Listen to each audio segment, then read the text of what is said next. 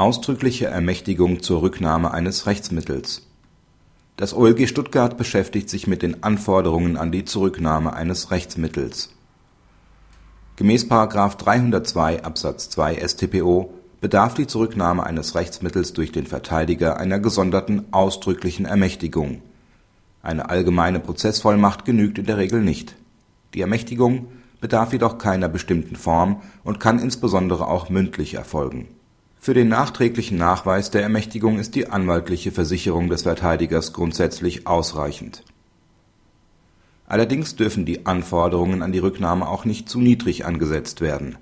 Dass eine Rücknahme über den Kopf des Angeklagten hinweg unzulässig ist, hat jetzt das OLG Stuttgart betont. Danach darf aus einem reinen Schweigen des Angeklagten auf einen Vorschlag zur Rücknahme eines Rechtsmittels keine ausdrückliche Ermächtigung abgeleitet werden es reicht gerade nicht aus, dass die Erklärung lediglich nicht gegen den Willen des Angeklagten abgegeben wird. Die Entscheidung des OLG widmet sich auch dem Problem, ob eine nachträgliche Beschränkung des Rechtsmittels als Teilrücknahme anzusehen ist, mit der Folge, dass eine ausdrückliche Ermächtigung nach § 302 Absatz 2 StPO erforderlich ist.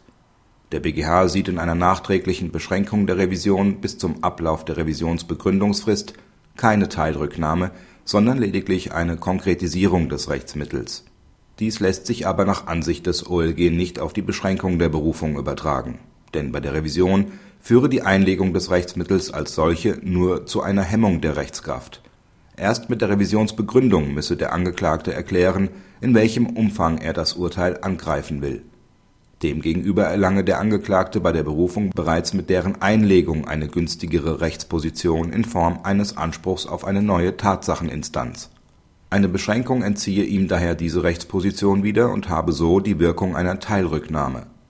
Da die Beschränkung hier also anders als bei der Revision eine verschlechternde Wirkung auf die Verfahrensposition habe, sei es angezeigt, hierfür eine ausdrückliche Ermächtigung nach § 302 Absatz 2 StPO zu verlangen Praxishinweis Die Position des OLG ist nicht unbestritten. Die Gegenansicht sieht auch die Beschränkung der Berufung lediglich als Konkretisierung des Rechtsmittels